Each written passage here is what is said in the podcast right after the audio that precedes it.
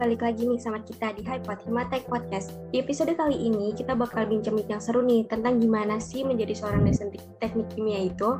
Nah tentu aja kita nggak sendirian nih, kita udah ditemenin oleh Pak Erwan yang akan sharing-sharing ke kita semua tentang profesi dosen. Oke, sebelum itu aku uh, mau ngucapin selamat malam Pak Erwan. Selamat malam Mbak Salsa, Mbak Ferdia. Ya, sebelum itu saya ingin memperkenalkan diri terlebih dahulu, Pak. Saya Salsa dari Angkatan 2021. Mungkin Pak Erwan bisa memperkenalkan diri terlebih dahulu agar para pendengar HiPod lebih mengenal. Silakan, oh, Pak. Ya. ya, halo. Ini dengan Pak Erwan tadi, saya biasa dipanggil Pak Erwan, dosen teknik kimia. Baik, Pak. Terima kasih perkenalannya.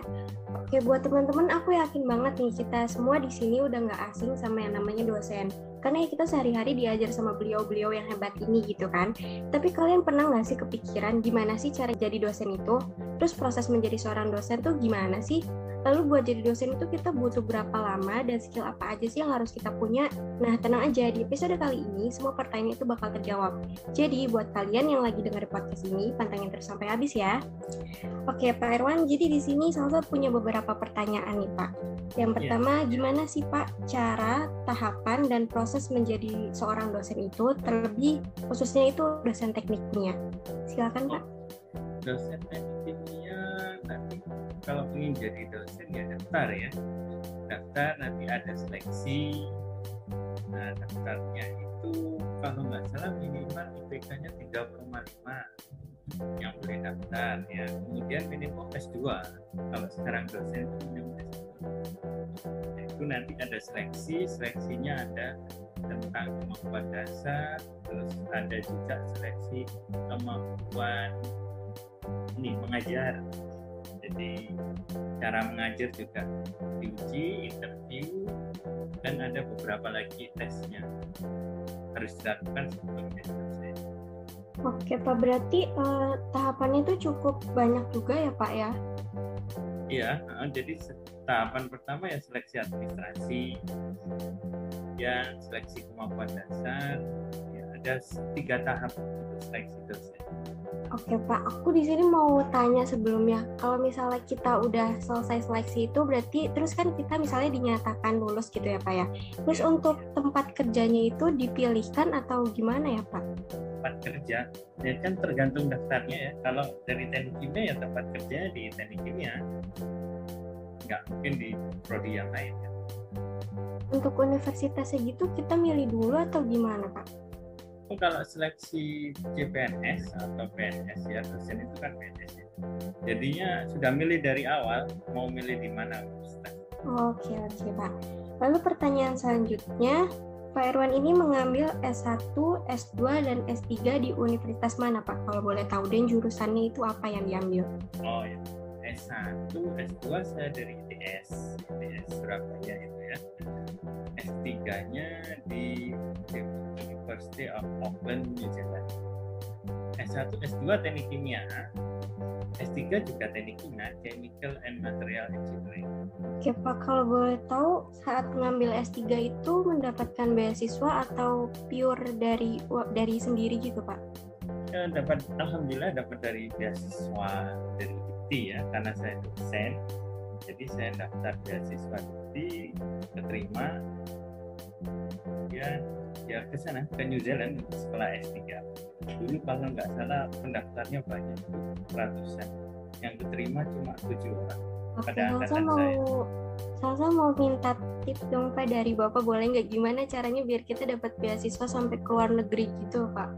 Ya tipsnya yang pertama sih belajar bahasa Inggris ya. Jadi passing pertama itu TOEFL atau IELTS minimal 6,5 kita daftar ke universitas luar negeri. Kalau sudah dapat LE keterima di universitas luar negeri baru daftar beasiswa. Jadi keterima dulu kuliahnya di luar negeri baru cari beasiswa. Beasiswa di Indonesia banyak. Ada LPDP ada DIKTI kalau dosen main ada DIKTI juga ya LPDP untuk umum. Jadi kalau ada mahasiswa mau melanjutkan sekolah S2 kalau mau cari beasiswa dari Indonesia ya LPDP yang tapi beasiswa dari luar itu juga banyak. Jadi kalau misalnya dari New Zealand itu ada NZAS ya New Zealand Scholarship. Kalau Australia juga ada Australian Scholarship gitu ya. Nah itu juga. Tapi dari negara mereka dari New Zealand dari Australia terus ada juga yang dari Jepang dari Eropa banyak tapi tahapnya pertama sama jadi nyari sekolah dulu terus kemudian daftar beasiswa. Baik, Pak. Tadi kan yang Bapak katakan kalau misalnya yang utama itu yang penting kita pintar bahasa Inggris dulu. Karena aku pribadi nih Pak ya, susah banget buat belajarin bahasa Inggris gitu Pak. Gimana sih Pak caranya Bapak buat mempelajari dan sampai fasih banget gitu bahasa Inggrisnya? Mungkin ada saran gitu Pak? Kalau saya dulu itu khusus ya, full tiga bulan. Tapi sekarang anak-anak muda sekarang itu bisa belajar dari internet kok banyak platform-platform yang sudah apa ya itu sudah accessible dan mudah. Kayak di apa Linggu itu kemudian apa lagi yang dia aplikasi di handphone dan banyak sekali yang akses-akses sekarang untuk belajar bahasa Inggris saya kira tinggal ini aja kemauan aja sekarang jadi kalau sudah ada kemauan pasti banyak jalan Oke, berarti yang utama itu yang penting kita punya kemauan buat belajar ya Pak ya? Iya, betul. Hmm. Oke, pertanyaan selanjutnya, eh, menjadi seorang dosen itu memang cita-cita Bapak dari dulu atau bagaimana Pak? Memang cita-cita saya dari ya, dari waktu-waktu kuliah itu saya punya dosen favorit dan ingin seperti dia gitu. Ya ya cita-citanya jadi dosen dan alhamdulillah tercapai. Oke, alhamdulillah ya Pak ya. Uh, pertanyaan selanjutnya itu kelebihan dan kekurangan menjadi dosen, terlebih dosen teknik kimia itu apa saja Pak yang mau rasakan? Nah, ini apa ya? Kelebihan kalau dosen secara umum itu jenjang karirnya jelas ya kalau dosen. Mulai dari awal tenaga pengajar sampai nanti profesor. Ya sudah profesor ya sudah mentok itu jenjang karir seorang dosen. Kemudian kita kelebihannya juga dapat mengatur jam mengajar. Nah ini jadi kita kalau ngajar kan bisa diatur kalau bisa apa, ada kegiatan yang lain bisa kita atur nah itu enaknya itu yang terpenting lagi kalau jadi dosen kesempatan untuk ke luar negeri itu lebih besar. Untuk sekolah tapi ya sekolah atau riset kolaborasi. Jadi kalau sekolah luar negeri kalau dosen ya itu kan memang wajib ya wajib sekolah lagi. Jadinya kalau ada beasiswa dari di memang khusus dosen itu. Peluangnya besar. Itu kelebihan dosen kalau menurut saya. Kalau kekurangan apa ya kekurangannya dosen? Jadi dosen itu super sibuk kalau menurut saya. Kemudian karena harus memenuhi beban kerja. Jadi kita jadi dosen itu ada beban kerja minimal berapa? 12 SKS ya. Jadi mengajar meneliti mengabdi nah itu yang bikin kita super sibuk gitu banyak kegiatan selain mengajar nah, itu. Baik Pak. Uh, lalu untuk pertanyaan selanjutnya itu, adakah syarat khusus menjadi seorang dosen, Pak? Syarat khusus minimal S2 itu mungkin ya syarat khususnya jadi dosen. Kalau syarat khusus lainnya nggak ada, itu aja mungkin. Eh, tapi ada lagi yang terpenting punya passion ya, passion untuk ngajar, passion untuk membimbing mahasiswa itu itu yang penting juga itu ya. Oke Pak, salah saya izin nanya ya Pak ya. E, misalnya kita udah lulus S2 nih Pak, terus kita langsung ke S3-nya tanpa menjadi dosen terlebih dahulu. Apakah saat kita lulus lulus di S3 itu e, peluang untuk menjadi dosen itu lebih besar Pak? Iya, tentu saja. Soalnya sekarang rekrutmen kan minimal S2 kalau nanti S3 yang daftar ya didahulukan yang S3 dulu lah pastinya lebih banyak peluangnya.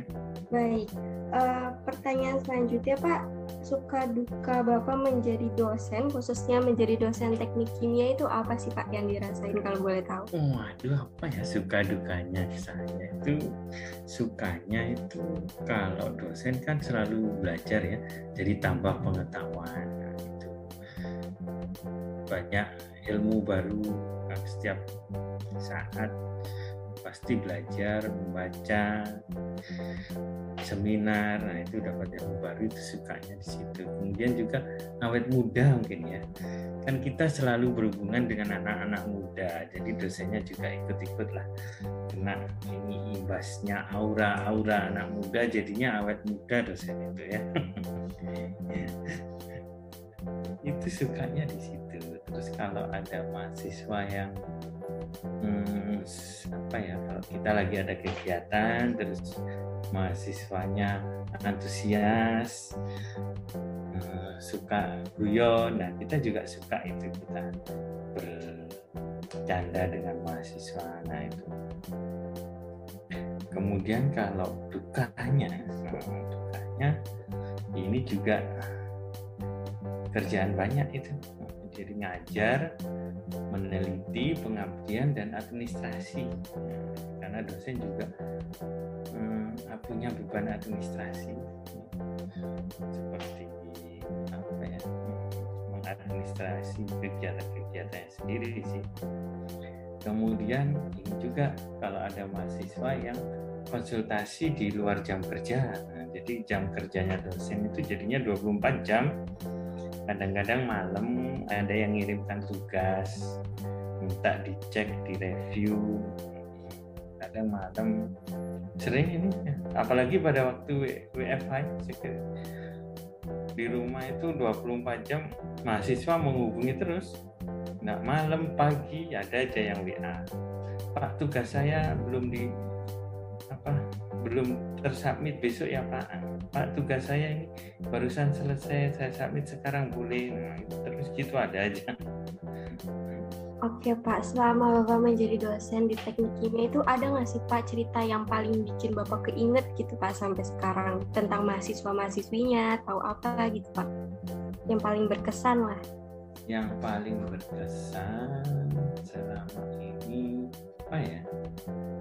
kegiatan di luar kampus sih ya yang paling berkesan itu pada saat kegiatan uh, pengabdian di luar terus mahasiswa itu bantu terus ikut terjun ke masyarakat. Nah itu berkesan bagi saya terus ada mahasiswa yang ini yang menawarkan diri. Nah, jadi Pak saya mau membantu pengabdian masyarakat di mana? Gitu. Nah itu saya terkesannya di situ ada mahasiswa yang volunteer untuk membantu kegiatan dosen.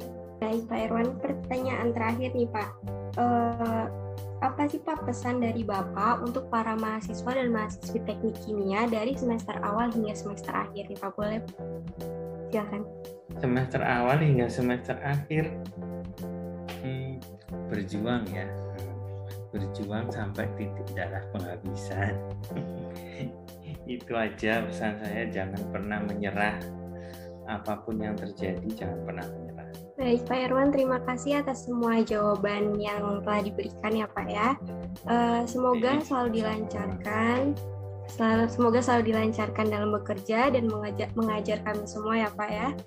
Amin, Oke, dan semoga sama -sama. sehat selalu juga. Iya. Sama.